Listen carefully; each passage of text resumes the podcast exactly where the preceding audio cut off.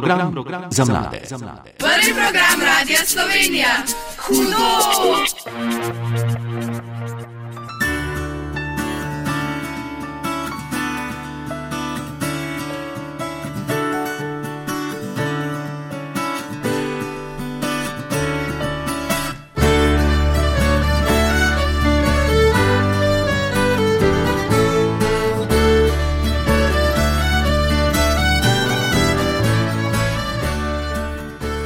Dobro jutro, dober dan vsem mladim poslušalcem, ki ste danes z nami. Prazniki so za nami, pred nami v naslednjih dveh urah pa prva vdaja hudo in prva sobota v letu 2023.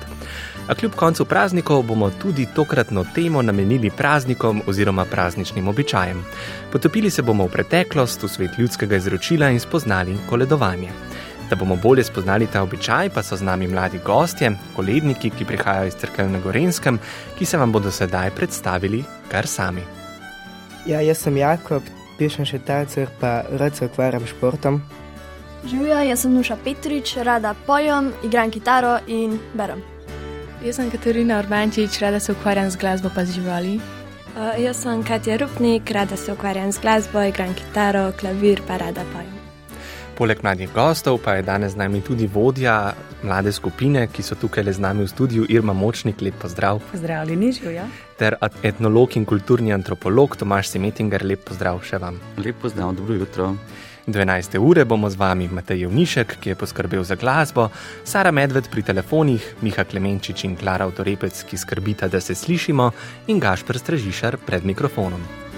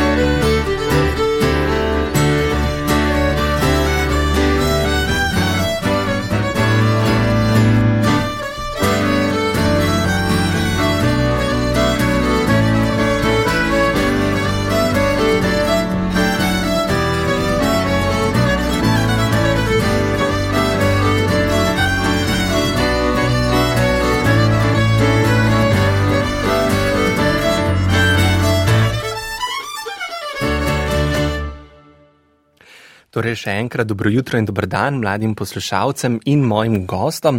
Skladba, ki nas je spremljala v vodu, prihaja k nam iz Finske. Gre za finski ljudski ples, no s tem pa smo nakazali, da danes v Daj hudo ne bomo le govorili o ljudskem izročilu, ampak bomo ljudske pesmi in kolednice tudi poslušali, no pa tudi morda, če se opogumijo tukaj Lenuša in Katarina, morda tudi kaj zapojeta. Ampak o tem majčkeno kasneje. Zdaj pa začnimo z vprašanjem, ki spremlja Dajo hudo že kar tri zaporedne sobote, pa mislim, da si ga lahko danes še zadnjič privoščim in namreč, Nuša, kako si preživela praznike? Ja, praznično, v prazničnem stilu, tako fajn smo se imeli. Pa ti, Katarina? Uh, ja, mi smo pa tu skupaj z družino, pa kakšne obiske smo imeli, pa smo se imeli tako fajn, pa filme gledali. Pa, ja. Eh, Zdaj, eh, Katja, kateri izmed teh prazničnih dni je tebi najljubši? Mm, mislim, da Silvestrovo, ker se v bistvu dobimo z uh, našimi sestričnami in skupaj praznujemo novo leto um, in se imamo full fajn. Leto smo bili še pri babici, pa pri detku. Da, ja. Eh, Pa tebi, Jakob, eh, kateri praznik ti je najljubši? Božič, zato ker smo vsi doma, pa se lahko gremo družabne igre. Eh, Nuša, zdaj prazniki, mislim, prvi teden šole je za teboj, sicer je bil to majčkano krajši teden.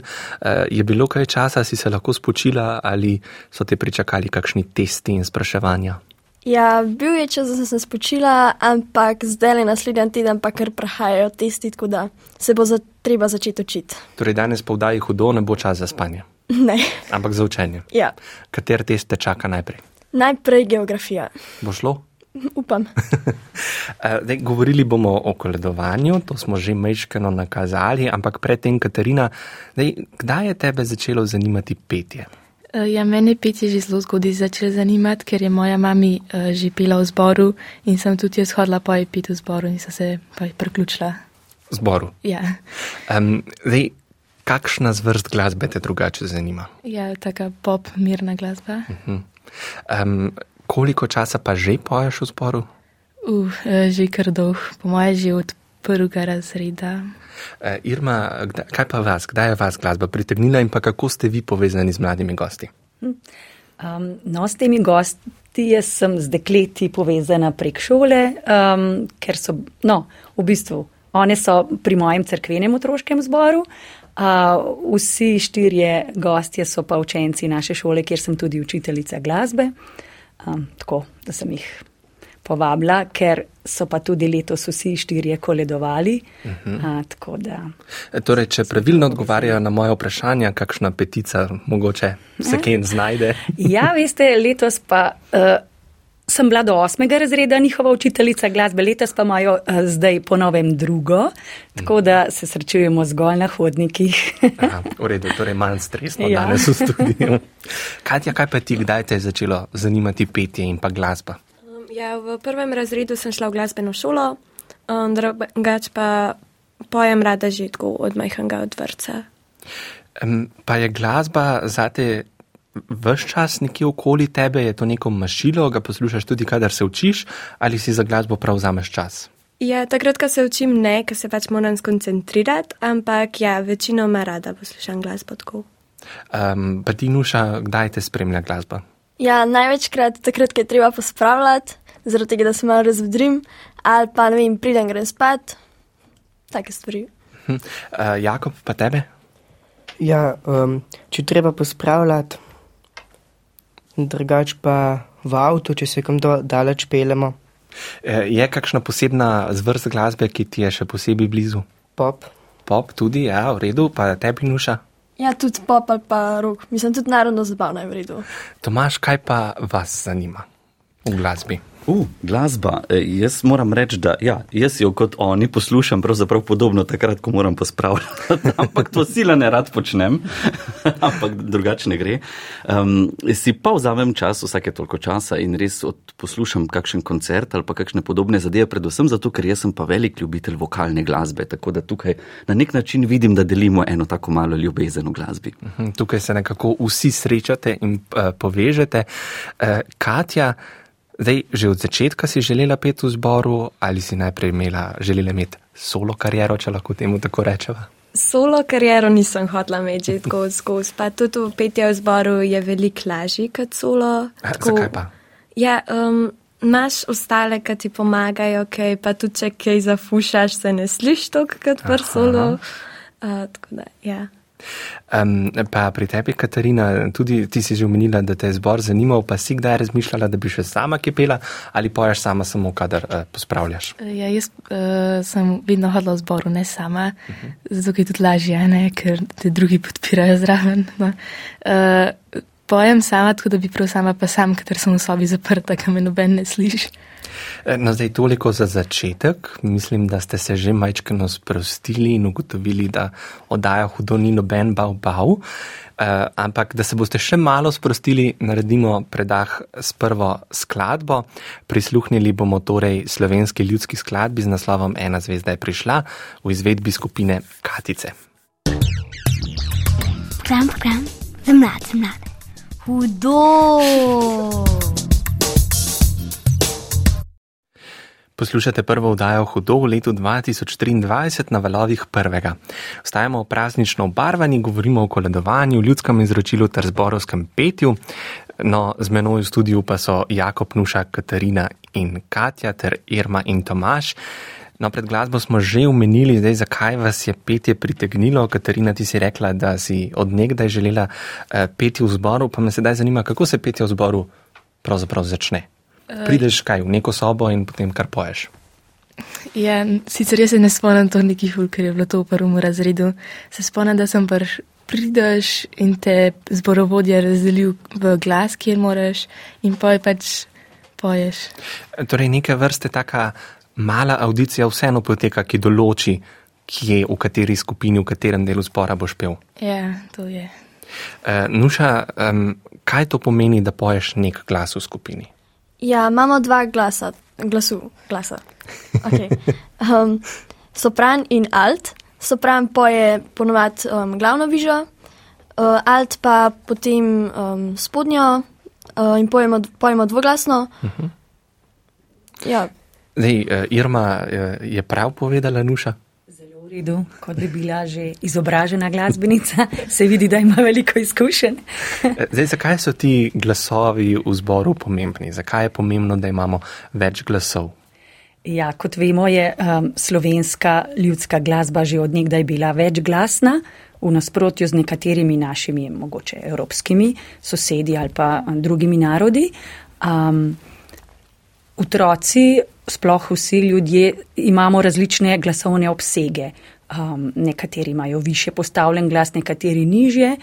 Um, so pa tudi različne sposobnosti. Nekateri imajo uh, sposobnost peti uh, glavno vižo, mogoče drugo spremljevalno pa ne.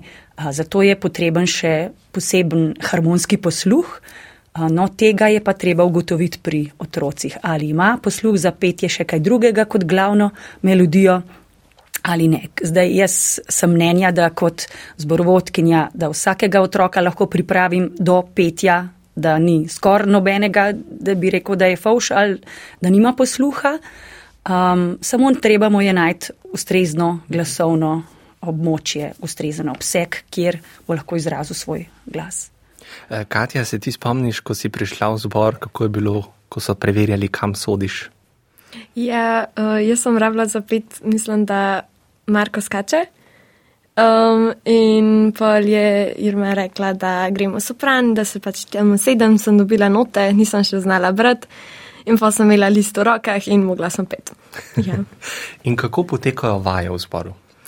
uh, ja pridemo, vsi se pos, uh, posedemo, pa zmolimo, uh, pol pa začnemo, pa si razdelimo note um, in začnemo pet. Nekaj določeno. potem samo začnete pet ali kaj točno počne eh, recimo Irma kot zborovodkinja? Kakšna navodila vam daje? Um, ja, na začetku je uvod na klavir, pa pa um, z rokam nam pokaže, kdaj moramo začeti, pa pa uh, drži takt. Um, da, ja. Eh, Irma, kaj je vse torej še naloga zborovodkinje? Um, kot zborovodja moram najprej skladbo predstaviti, da jo otroci spoznajo uh, vsebino, tekst preberemo, um, prepojemo najprej vsak glas posebej, potem se pa lotimo natančnega izdelovanja vsakega glasu, um, potem pa še skupaj, da to zazveni v lepi harmoniji, potem dodamo še spremljavo in tako. Razno seveda še dinamične oznake upoštevamo. Um, artikulacijske stvari treba popraviti, um, kakšne težke intervale je treba zvaditi in take stvari. Eh, Nuša, kaj tebi predstavlja izziv v zboru? Um, mogoče to, ker jaz pojem alt in je velikrat težko poslušati zraven še sopran in moraš ti peti čisto svojo neko drugo vižo, ki sopran poje či, spet čist nekaj drugega in je malo težje, ampak pa se probam tudi po drugih, ki pojejo alt, mal orientirati, da vem kako. Torej je pri zborovskem petju pomembno, da poslušate drug drugega. Je, zelo. E, Tomaž, zdaj pa mi smo že omenili, da bomo govorili o koledovanju. E, tako da vprašanje e, za vas, kaj pravzaprav to je in pa odkot izhaja ta tradicija? Ja, to je eno tako zelo obsežno vprašanje. Koledovanje je, pravzaprav jih poznamo pri nas eno celo serijo, tako recimo po različnih delih eh, tega slovenskega etničnega ozemlja, kot seveda tudi skozi zgodovino so se koledovanja precej spreminjala.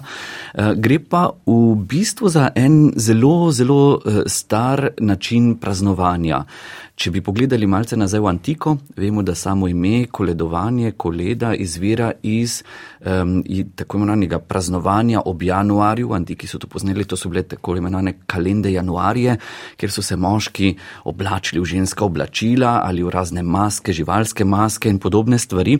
No, to je potem prešlo tudi v krščanstvo, eh, kjer pa so se tisti crkveni očetje zgodaj zelo razburjali, čež da to pa res ne more tako biti, da je to popolnoma blasfemično, neprimerno in tako naprej. Eh, pa vendarle tega niso mogli nekako obraniti in te najstarejše, po izvoru najstarejša koledovanja so ravno koledovanja povezana z Božičem in Novim letom. Danes mora biti najbolj poznana koledovanja, v tem trenutku so tri kraljevska, ta so nastala mnogo kasneje. Eh, tako da gre za v bistvu eno takšno, recimo, obhode ljudi, eh, kolednikov, ki imajo posebno moč, ki prinašajo tistega, ki ga obiščejo, eh, recimo, neko posebno moč, da mu prinesejo blagoslov, srečo, dobro letino, kakorkoli že, in, in dobijo za to možnost, da jih obdarijo. Torej, Tistega, ki ga obiščejo, mora, tisti mora obdariti kolednike. Če ga ne obdari, potem lahko ti koledniki svojo moč uporabijo tudi kontra njemu eh, in to se vidi v kolednicah pogosto, da rečejo, če nam ne boste dali, ne vem, klobas, pa jajc, pa ne vem česa vsega, potem vam eh, bo, ne vem, eh, pšenica ne bo rodila, vam bomo, se pravi, to z, z blatom namazali vrata, vam bomo pobrali vse hiše, vsa dekleta in tako naprej, hišo spodkopali, a ne, kot bomo, mislim, da potem slišali. Skratka, koledniki so tisti, ki ki prinesejo dobro, ampak morajo dobiti za to tudi plačilo. Mhm. In je kakšno pravilo, kdo lahko koleduje ali ne? V preteklosti so, je bila to eh, praviloma bolj ali manj moška domena. Torej, uh. -huh. fantje, moški so največkrat to počeli. Imamo nekaj koledovanj, ki so vezane recimo tudi na žensko. Eh, recimo Lucije so znane kot koledovalke eh, ob, eh, se pravi, na Lucino, to je v začetku decembra. Drugače so pa praviloma to bili moški. Danes se te vloge nekako izenačujejo še posebej to vidimo recimo pri trikraljevskih koledovanjih, ker tudi dekleta eh, postanejo kralji s kako brado recimo ali pa podobno, pa vendarle eh, so nekako uprizarjajo te tri kralje, ne? torej se tudi namaskirajo tako, kot eh, je primarno koledovanje bilo. Um, Nuša, zdaj tudi veste kolednikovale, kaj to pomeni? Um, hodimo od hiše do hiše in prosimo, da nam dajo kakšen dar za misijone in pa jim voščimo srečno novo leto, pa vesele praznike. Uh, leto ste že imeli kakšen obhod? Uh, leto smo že imeli, uh, smo že imeli obhod, smo šli pred novim letom. Um, moramo, ta, to delo moramo praviti do um, tri kraljevske, do um, praznika, uh -huh. moramo to delo praviti in pol prinesemo te darove uh, k maši. Ja, Um, Katja, pojete pri vsaki hiši enako pesem ali se te malo menjajo? Um, mi smo pel pri vsaki hiši enako. Uh mhm. -huh. Zdaj pa mislim, da imam uh, za vas en izziv, uh, ki mislim, da vas je vaša uh, gospa Irma Mečkano potunkala tule in nam reč, koledovali boste tudi v studiu 51. Uh, torej, mislim, da lahko sedaj prepustiva s Tomažem mikrofon vam in eh, da slišimo tole koledniško pesem, ki ste jo pripravili za vdajo hudo. Glejte, trije kralji, v lepi zlati halji, na kamilah jezdijo, na kamilah jezdijo. Prinesu darila sladkega kadila, mire čistega zlata, mire čistega zlata. Ja, odlično, moram reči, zelo lepo. Hvala lepa, da ste nas obiskali v studiu 51. Ja, zdaj morate pa obdariti. Ja, ja, tako, tako, uh, ampak obdarovanje sledi po koncu, da je hudo. uh, Irma. Jaz sem želela dodati in se navezati na prejšnje um, um, izvajanje gospoda Tomaža, uh, da naša crklanska kolednica, ki jo pa zdaj le nismo zapeli, um, se tudi nanaša na to hudomušnost. Um, a bi zapeli sam zadnji dve kitici. No, dajmo. Aha, torej bomo poslušali še eno kolednico. Ja. Če nam na vte naš darval, vam bomo hišo spodkopal. Če nam bo se kaj darval, vam bomo nebesa pomagal. Katerina, kaj se zgodi, če se kdaj zmotite? Uh, ja, A to sama, če se cel zbor zmoti? Sama ali pa če se cel zbor zmoti? Uh, ja, če se sama zmotim, ne, se verjetno ne sliši to, kot pa če se cel zbor zmoti. Uh -huh. Če se pa cel zbor zmoti, pa pač naprej pojemo in se ne ustavljamo nekaj. Um, Nuša, kako je, ko potrkate na vrata neke hiše in morate začeti petje, kaj treme? Ja, najprej moramo sploh počakati, da nam odprejo. Um, je trema, uh, ampak ne toliko zaradi tega, ker smo že navajeni od prejšnjih let. Pa, ja. Torej, eh, trema z leti zginja počasi. Ja. Eh, no, zdaj, da se mečkeno nadihate, gremo mi še k eni skladbi. Eh, vmes si boste lahko vzeli vodo in se pripravili na nadaljne vprašanja. Poslušali pa bomo dolensko kolednico, trikraljevsko kolednico v izvedbi skupine Tolovaj Mataj. Kaj pa ti to poslušaš? Kaj ne veš? Hudo. Ja, itak. Oddaja Hudo na valovih prvega je danes pravzaprav glasbeno obarvana. Slišali smo tri koledniške pesmi zapored, dve v živo, eno posneto, zdaj pa Tomač vprašanje. To je bila tri kraljevska kolednica. Uh, slišali smo prej eno kitico, ki so jo zapele dekleta, zdaj smo slišali pa še drugo izvedbo. In ta prihaja pa z nekega drugega konca Slovenije. Torej te kolednice se premikajo po krajih, se med seboj mešajo. Ja, to je posebno normalen pojav. Ne? To je enako kot recimo pri pesmi, tako imenovani ljudski pesmi, ne? kjer dobimo različne variacije eh, v različnih delih Slovenije. To pa nas navaja k temu, da eh, približno lahko vemo, kako so nastale te kolednice.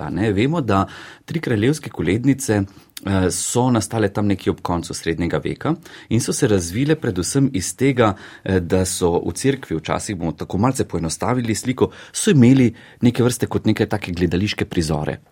To je bilo prizor, kako se pastirci pogovarjajo z eno starelo gospo, kaj se je dogajalo tam v Betlehemu, ko se je Kristus rodil, ali pa prizor potem zvezdo in tako naprej. In iz teh besedil, eh, ki je. Cerkev jih pogosto uporabljala tudi za poučevanje eh, vernikov, kakšne so torej te zgodbe, svetopisemske zgodbe, iz teh besedil se potem postopoma razvijajo te kolednice, ki jih imamo danes v najrazličnejših variacijah eh, na slovenskem in zato se kaj rado zgodi, da imamo eno varianto v eni vasi, neko podobno varianto v drugi vasi. No, seveda, če gremo pa kam drugam, dobimo pa neko čisto tretjo varianto, recimo, ki z obema nima nobene veze, ampak zgodovinsko se je vendarle razvijala na tak način. Eh, Katja, zdaj Tomaš je omenil ta skoraj gledališki prizori. Me zanima, ko ve hodite okoli od hiše do hiše, eh, imate tudi kakšne kostume eh, ali ne? Ja, imamo grinjala, Uh -huh. uh, pa recimo zvezda ima tako leseno zvezdo na palci, prpeto, pa vsak kralj ima eno krono. Torej, vsaka izmed vas ima določeno točno neko vlogo. Ja. Dej, kaj si bila ti? Uh, jaz sem bila zvezda. Uh, Tomaš? Jaz nisem bil nič, ja. ne, ampak jaz bom samo pokomentiral, ker je to zelo zanimivo. Namreč mi moramo vedeti, da ta oblika koledovanja treh kraljev, kot uh, nam tukaj zdaj pripovedujejo, to je oblika, ki je recimo tista naj, najbolj zožana. Poznamo pa serijo um, podatkov iz preteklosti, kjer so trije kralji imeli zraven pastirje, pa zvezde, pa cel kup nekih um, ljudi je bilo zraven, kjer so dobesedno igrali cele prizore. Mi vemo tam do druge svetovne vojne, ponekod na Koroškem so ti podatki, da so dobesedno odigrali cele gledališke predstave, ko so prišli v hišo noter in so se med seboj pogovarjali, zato ker je to bila neka daljša oblika koledovanja. Eh, danes smo to zelo, zelo zreducirali, bolj ali manj na eno tisto eh, osrednjo temo, to je tista pesmica, ki jo zapojejo trije kralji. Eh, pri tem pa lahko rečem eno zanimivost, da tri kraljevska koledovanja so recimo nekje po drugi svetovni vojni šla tako postopoma v pozabo. V zadnjih 30 letih se pa zopet vračajo z neko novo vlogo. Tri kraljevska koledovanja so primarno bila koledovanja kot vsa ostala, kjer so pobirali darove predvsem revni ljudje, pogosto zase, danes se pa to največkrat daje, neko, se to povezuje z novo funkcijo, namreč pobiranja denarja za misijone oziroma za crkv in tako naprej. Zdaj, eh, še cel kup vprašanj imamo za mlade kolednike, ampak ker je Tomaž že tako lepo zapeljal sedaj pot, bomo nadaljevali mi kar eh, s posnetkom. In namreč pred mikrofon smo ujeli Poljaka Jakopa Stepanjuka, ki trenutno živi v Sloveniji in se uči slovenskega jezika, zato mu kakšno slovnično napako seveda lahko opravičimo. No, danes praznuje pravoslavni eh, Božič doma na Polskem eh, in pričakuje tudi božično skupino kolednikov, ki se pri njih še v njihovi vasi še ohranja, tako da v naslednjih minutah nam bo povedal, kakšna je tradicija koledovanja na Polskem, kako kako je potekalo v času njegove babice in kako poteka danes. Program, program, za mlade, za mlade. Hudo! Ime mi je Jakub Stepanjuk, prihajam iz vzhoda Poljske, iz Beloverskega pregozda, a zdaj pa živim in študiram v Ljubljani.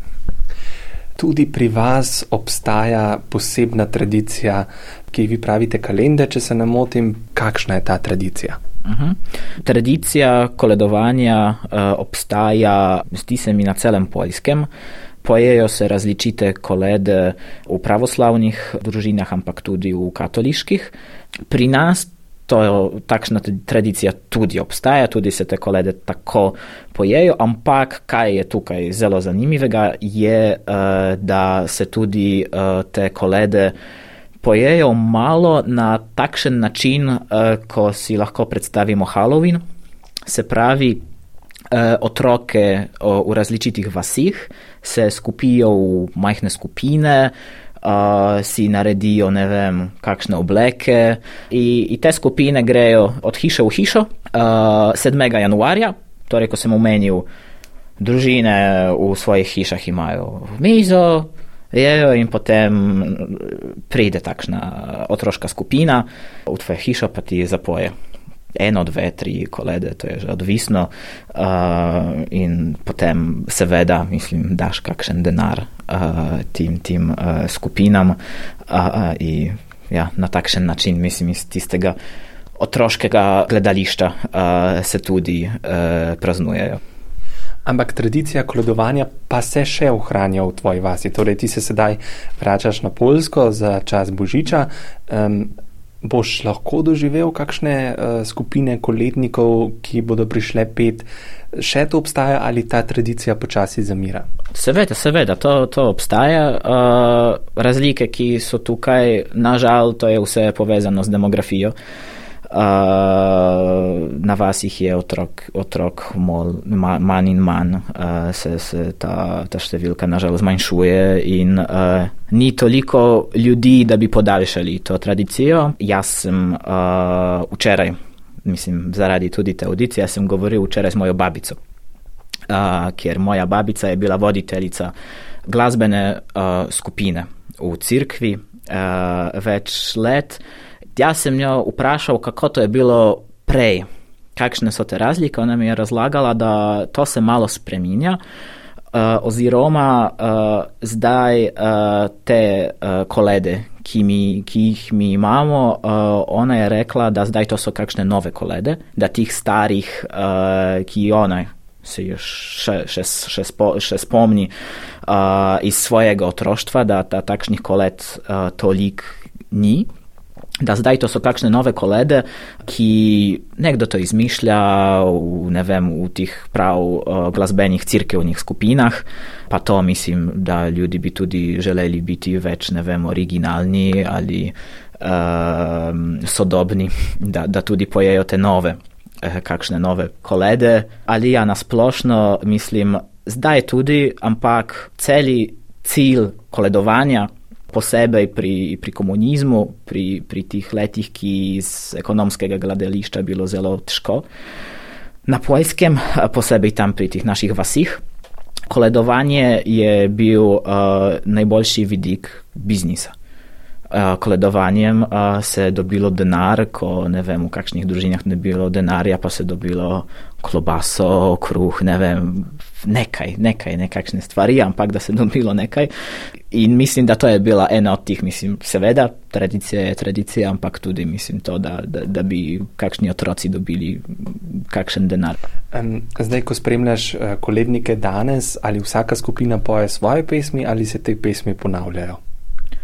Uh, ko sem rečel, zda, rekel, zdaj je uh, veliko novih pesem, veliko novih interpretacij pesem uh, in Mislim, da zdaj uh, je večja uh, verjetnost, da se pesmi ne bodo povtarile, a da to bodo nove, nove in nove pesme.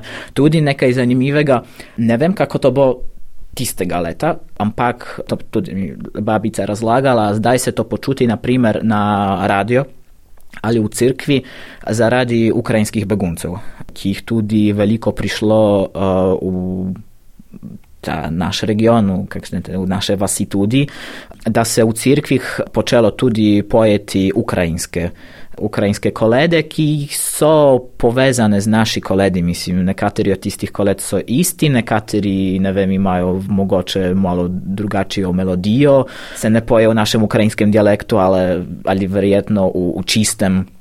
Uh, v čistem ukrajinskem uh, jeziku. Uh, torej, mislim, da ena od novih stvari, nisem prepričan, bomo videli, uh, ampak mogoče nova stvar bo takšna, da bodo tudi kakšne ukrajinske kolede, ki jih mi še ne spoznamo. Kako se pa te oddaji reče? Ugibaj je za mlade. Aha, hudo. Jakub Stepanjuk je bil tole, eh, Tomaš, da je koledovanje poteka širom cele Evrope. Eh, Jakub je omenil, uporabil je besedo biznis. Torej, eh, kaj je, kaj je bil pravzaprav namen koledovanja včasih? Zdaj, nameni so bili zelo, zelo različni.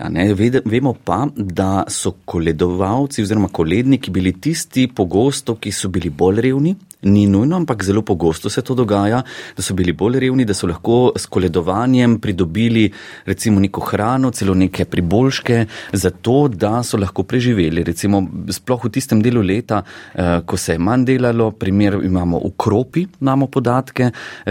Potekom zime se je tam manj delalo, ponekod je voda zamrznila in niso mogli tistih koles gnati okrog in so kropari koledovali potem tako naokrog, da so lažje preživeli to eh, težje obdobje tekom leta.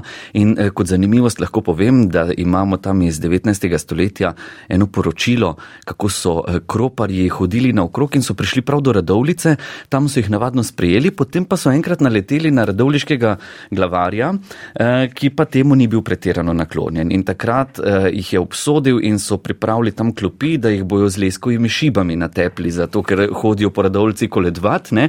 In se menda, kot pravi tisti pisar noter, sedem od treh kraljev prav ponižno v glasu in je rekel, ja, eh, žlahtni gospod glavar, ne?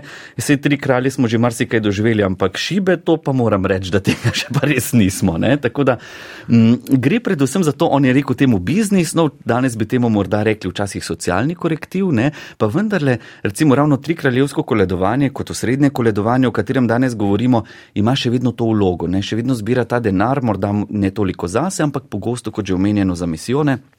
Medtem ko druge oblike koledovanj, ki jih imamo na slovenskem, ki jih je še cela serija, ne, tam pa bi našli še kaj drugega noter, ne samo eh, biznisa, tako rekoč, ampak eh, morda tudi neke povezovanje, neke skupnosti in tako naprej. Ne. Eh, Katja, ko koledujete, še, vas še obdarujejo, dobite kaj in če kaj dobite? Mm, ja, ponavadi dajo denar. Um, Drugač pa tudi kakšne sladkarije, čokolade, kaj takega. Eh, Katarina Šibo vas je že kdo pričakal pred vrati? Ne. Ne, to še na srečo ne. Uh, kako potekajo priprave na uh, koledovanje pravzaprav? Uh, ja, tako mi, kot naša skupina, smo se ene pol ure prej, smo začeli, smo se dobili, pa smo zvadali to, ko bomo govorili, pa pel, pa smo pa, pa šli go, uh, hoditi po hišah. Um, Nuša, kaj pa recimo, ko pojete v zboru? Je tam več priprav, več vaj, kot ko greste koledovati? Ja, sigurno pridem, začnemo takoj pet, imamo kakšne um, vaje, da se ugremo. Um, pa vedno pridem, gremo v crkvo pet, imamo pol ure prej um, vajo, zaradi tega, da zvadimo. Ja. Uh, Jakob, je treba besedilo vedno znati na pamet? Ja, odvisno za katero pesem, ni ga treba vedno znati na pamet. Imate lahko kdaj besedilo pred sabo v roki? Ja. Um, Katarina, kako se sploh lotiš, da si zapomniš neko besedilo? Ja, jaz si zapomnim tako, da si ene dvakrat, trikrat sama na glas preberem oziroma zapojem, poj pa probam brez besedila, če se že hočem na pamet, brez besedila celo grem skozi. Uh, Katja, zdaj, kdo pa izbere tisto pesem, ki bo na sporedu, ko greste od hiše do hiše? Imate vi tukaj kaj gla, volje, lahko kaj izbirate ali samo dobite besedilo in uh, letos pojemo to? Um, Drugač dobimo besedilo, uh, ki se ga govori, uh -huh. pripoveduje. Ampak pa smo se mi smenili, da bomo kar dve kitici odpeli, pa povedali uh, ta zadnjo kitico besedila, ki voščimo nov let pa praznike. Uh, Drugač, ja, imaš podan besedil, ampak lahko ga spremeniš po svoje. E, Irma, spremljate kolednike, mlade kolednike na tej poti uh, od hiše do hiše uh, ali jih samo opazujete vdaleč? Ne, jaz jih ne spremljam ker uh, sicer tudi um, navadno ne sodelujem pri pripravi kolednikov in teh uh, otroških skupin, um, zato poskrbijo sodelavke na našem uh, družinsko-mladinskem centru, ki ga imamo v Župniji. Um, tako da, če jih vidim um, tako, kot pridejo v našo hišo, um, sicer pa ne. Uh, Recimo letos sem jih pa skupaj zbrala pred zaključno Mašo Tri kraljevsko, da smo skupaj vse skupine zapele tole pesem, tudi potem pri Maši, to sem jih pa pripravila. E, Tomaž, kje vse po Sloveniji se še ohranja ta tradicija? Je povsod ali počasi morda izginja?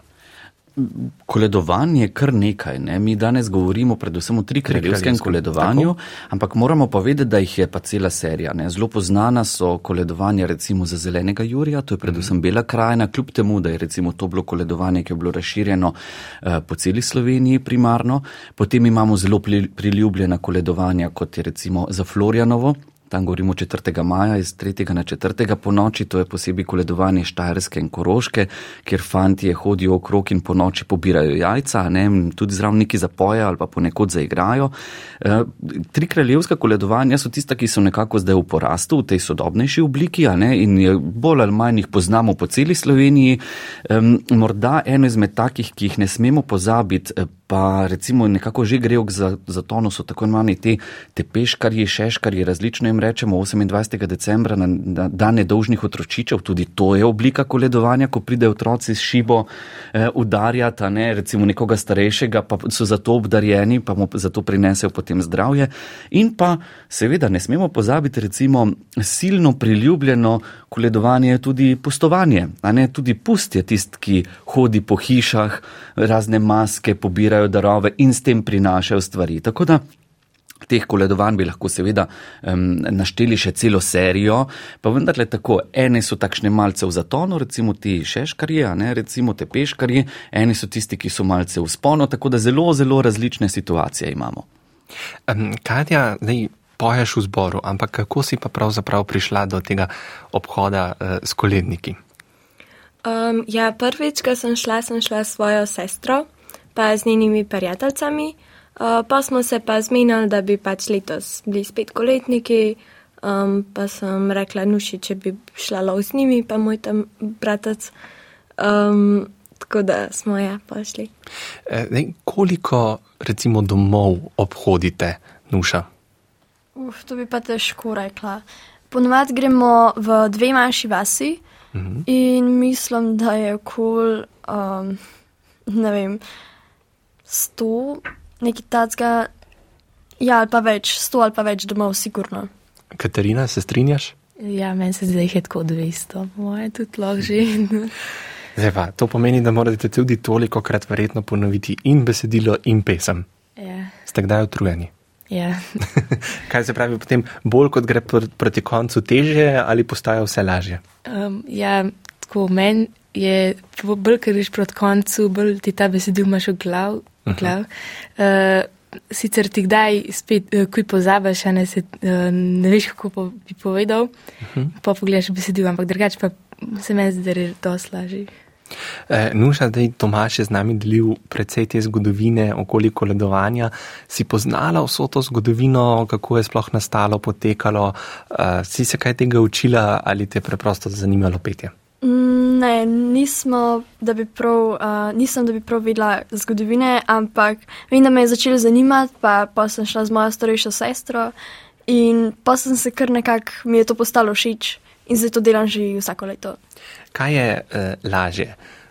Koledovati in 200 krat ponoviti pesem ali peti v zboru? Um, mislim, da pet v zboru. Aha, je torej lažje. ja, Tam verjetno samo enkrat odpoješ pesem na nekem koncertu. ja. Kaj pa trema, kje jo je več, ko pojete in nastopate zborom ali ko ti nekdo odpre vrata?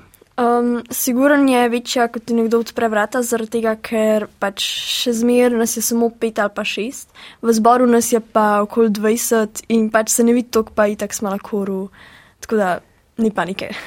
Uh, Katja, kaj pa tebi, Eh, tudi kje je več treme, ko koleduješ ali v zboru? Mm, ko koledujem, zato ker nikoli ne veš, par kiri hiši te bojo sprejeli lepo, ali pa par kiri hiši, ki ti bojo rekli, ne, to pa ne, uh, pa nismo kristijani, pa pejte stran, pa te odženejo. To je tako, dost Torej so Je. vas že kdaj odgnali? smoten. Um, ne, niso nas še odgnali, um, ampak velik hiš pa ni odprl vrat. Uh, Katarina, kdaj ponavadi, ob kateri uri začnete obhod?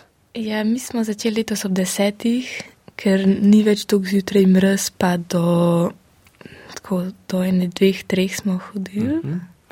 Torej, eh, se je kdaj zgodilo, da ste koga ujeli ravno med kakšnim kuhanjem kosila? Ja. Pa so potem jezni ali vas vedno tako radi sprejmejo in poslušajo? Ja, pri nas še noben ni bil jezen, da, bi smo, da smo prišli, da smo lepo nas sprejmejo. No. No, Zdaj pa uh, naredimo še en glasbeni predah, po njem pa se še naprej pogovarjamo. Zdaj bomo pa prisluhnili skladbi, ki prihaja iz Švedske in gre pravzaprav za božično, švedsko božično uh, kolednico. Kako se pa te oddaji reče? Ugibaj je za mlade. Aha, hudo. Poslušate oddajo Hudo na valovih prvega. Tole je bila eh, švedska božična skladba. Katarina, omenili smo, da obhodite 200 hiš, kar pomeni približno, plus minus, kar pomeni, da vam tudi 200 vrat se odpre in s tem dobite nek pogled notri v domovanje. Ali vas je že kdaj pričakalo kaj čudnega, ali pa vas je napadla kakšna domača žival?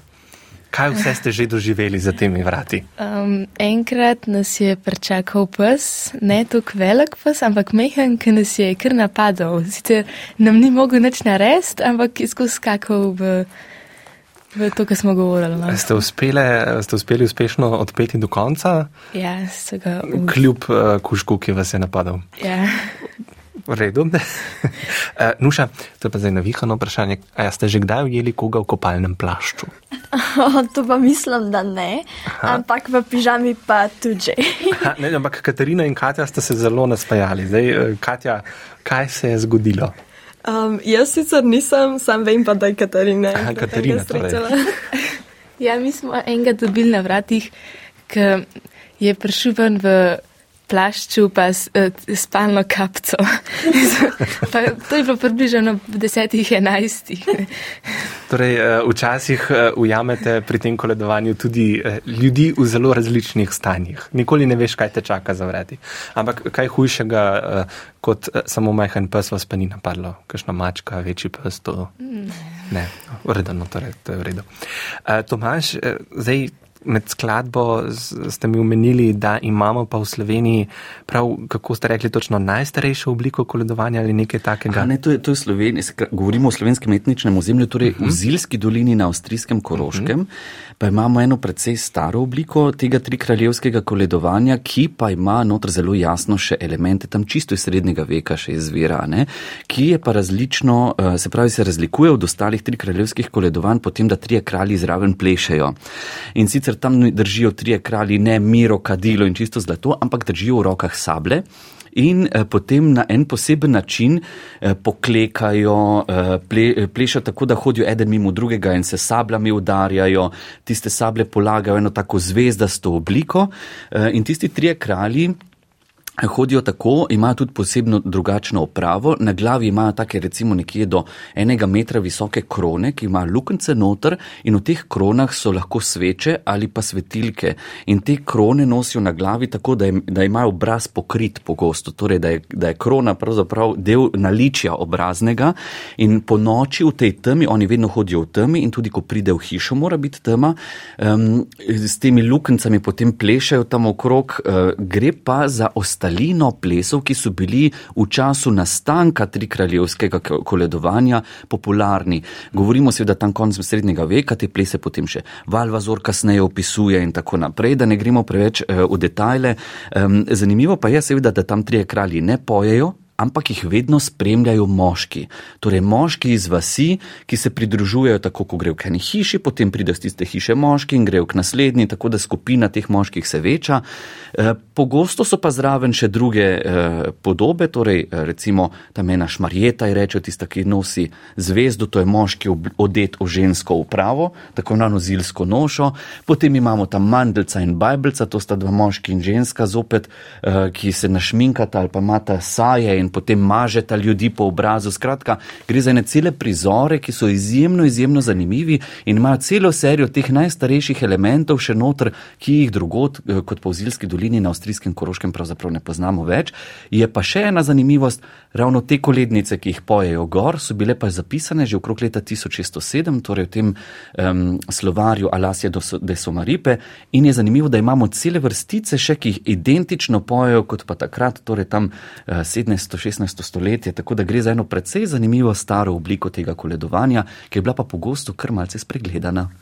E, torej, Katja, zdaj, ko si slišala tole, e, morda izziv za prihodnje leto, da e, ugotovite še kakšno novo obliko koledovanja trikraljevskega in preizkusite kaj novega, morda? Ja, bomo probali. zdaj, ti si umenila, če se ne motim, da si letos bila zvezda. Ja. Tako, uh, Katarina, Nuša, Jakob, kaj pa vi trije? Uh, jaz sem bila Miha. Hm? Jaz sem bila Gašpor. Aha. Jaz sem bil pa bolj težar. Aha, torej imamo svete tri kralje na levi strani studija in zvezdo na desni strani. um, Jakob, kaj je tebi najbolj stalo v spominu letošnjega oziroma lansko letnega koledovanja? Ja, um, koliko veliko ljudi um, nam ni odprl Okay, torej, če je bilo to 200 hiš, recimo, nuša, koliko ljudi vam ni odprlo vrat?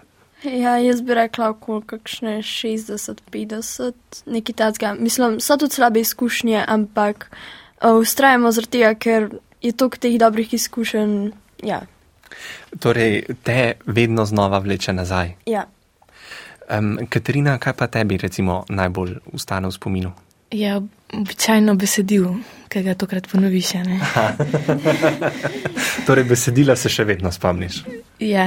Ga tudi sanjaš, verjetno že. Mogoče. no, torej, Irma, recept za pomnjenje besedila v pevskem zboru, skladbo zapojete 200 krat in potem koledujte s tem zborom. um, Irma, kaj pa drugače mladim recimo povzroča največ težav v zboru ali pa kaj je največji izziv za nje? Bi jaz težko rekla, bo mogoče pevci lažje. Um, največkrat je težava, recimo pri kakšnih težkih postopih v več glasju, uh, da težko recimo grejo po svoje ali pa vse vleče v isti glas. Um, kaj bi bilo pa še težavno, ne vem. Katja, morda ti, kaj ti povzroča težavo v zboru? Mm, ja, jaz sem drugač sopran in držim glavno vižo, uh -huh. tako da mi ni težko pet, ampak um, si pa predstavljam, kako je včasih težko altam, kam imajo take zapletene dvoglasje um, in jim verjetno povzroča kakšne težave. Ja. E, Katarina se je tule nasmihala, kaj to pomeni? Ja, velikrat je tako potekne, da začneš pet, poj, ker so pran, da uh -huh. pustiš to, kar bi mogel pet in greš k sopranom. Torej se je težko držati svoje, svoje linije, če lahko temu tako rečemo. Ja. Um, zdaj pa, ker se je ura že pet minut čez deset, kar pomeni, da se prvi del oddaje končuje. Bomo pa končali majčkano drugače in namreč. Od vsakega od vas me zanima, pa bomo začeli zdaj pri Kati, ne pri Jakobu, kaj si želiš v letu 2023 in kaj bi zaželela mladim poslušalcem. Mm, jaz osebno si želim, da bi um, pravo odločitvo naredila pri izbiranju srednje šole ker sem zdaj deveti razred in zaključujem osnovno šolo. Um, vsem mladim pa želim, da pač ne nehajo delati to, kar uh, jih veseli, da ja, se v šoli čim bolj trudijo, um, pa da jim bo ratal. Uh, ja, jaz si najbolj želim tudi to, da, se, da bi prav se odločila, kam bi šla naprej, pa da bi tam tudi najdla prijatelje. Uh, pa da bi bila vesela na tisti šoli, pa tudi drugim hočem, da so pač veseli na tistih šolah, ki so. Ja, tudi meni je, um, tudi jaz si želim, da bi se prav odločila, da se ne bi pa premislila, pa vsem mladim tudi želim, da ustrajajo, pa da delajo to, kar jih veseli. Ja. ja, jaz si tudi želim, da se bi prav upisal. Um, vsem mladim pa bi želel, da se ne spremenijo, da ostanejo taki, kot so. Same lepe želje in sedaj najtežja naloga za Irmo in Tomaža. pa začnimo pri Irmi. Kaj pa vi želite mladim gostom, ki sta z nami v studiu? Jaz jim predvsem želim, da bi se uresničile njihove želje, um, da bi še naprej svojo, svojimi res lepimi značaji, karakteri, talenti, sposobnostmi bogatili sebe in druge za eno prijazno družbo, v kateri bomo z veseljem živeli tudi starejši. E, Tomaš, še pred željo še eno vprašanje glede koledovanja za konec. Zdaj omenili smo danes, govorimo predvsem o trikraljevskem koledovanju. Kdaj se pravzaprav hodi okoli po hišah? Kdaj se letos koleduje? Se danes tudi še koleduje ali ne, ne več? Ne, ne s trimi kralji. Torej, pred sinočnem, če imam zdaj prav datume v glavi, ja, se je zadeva eh, končala. Zdaj, ponekod odvisno, kako je eh, veliko območje, ki ga morajo koledniki obhoditi, ponekod že kak dan prej začnejo, načeloma se pa eh, hodi okrog eh, ravno na predvečer treh kraljev. Ne? Zdaj, zopet, če so to samo tri kralji, potem je to lahko, ponekod pa poznamo še eno masko na tri kraljevska koledovanja, to je pa Pehtra baba, ki je bila znana na Gorenskem ali pa na Avstrijskem Koroškem tudi tista hodi na, na pernah nobilo, kot rečejo, torej na, na predvečer svetih treh kraljev, eh, ki pa tudi prinaša eh, blagostanje ne, in ima še eno posebno vlogo, ki je danes nismo posebej izpostavljali. Ta pa ne poje, ta pa pride in samo s tako sekiro preseka kruh ne, in razmeče bombone okrog in nariše potem en poseben krok in okrog tistega kroga mora zaplesati in potem tiho iti naprej. Skratka, okrog teh koledovanj bi se dalo še marsikaj reči reči, eh, dogajajo se pa, kot rečeno, največ ravno v tem času med Božičem in Novim letom, pa tudi tekom ostalega dela leta. Ne? Ampak nam je žal zmanjkalo časa. in še želja za naše goste. Jaz bi rekel čisto preprosto, ne? da živijo svoje življenje s tisto polno žlico in naj bo ta žlica eh, polna samih dobrih stvari.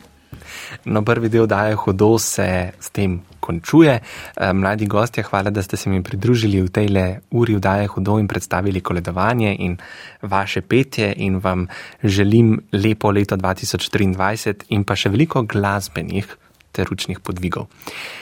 Najlepša hvala tudi vama, Irma eh, in Tomaš in pa lep preostanek vikenda.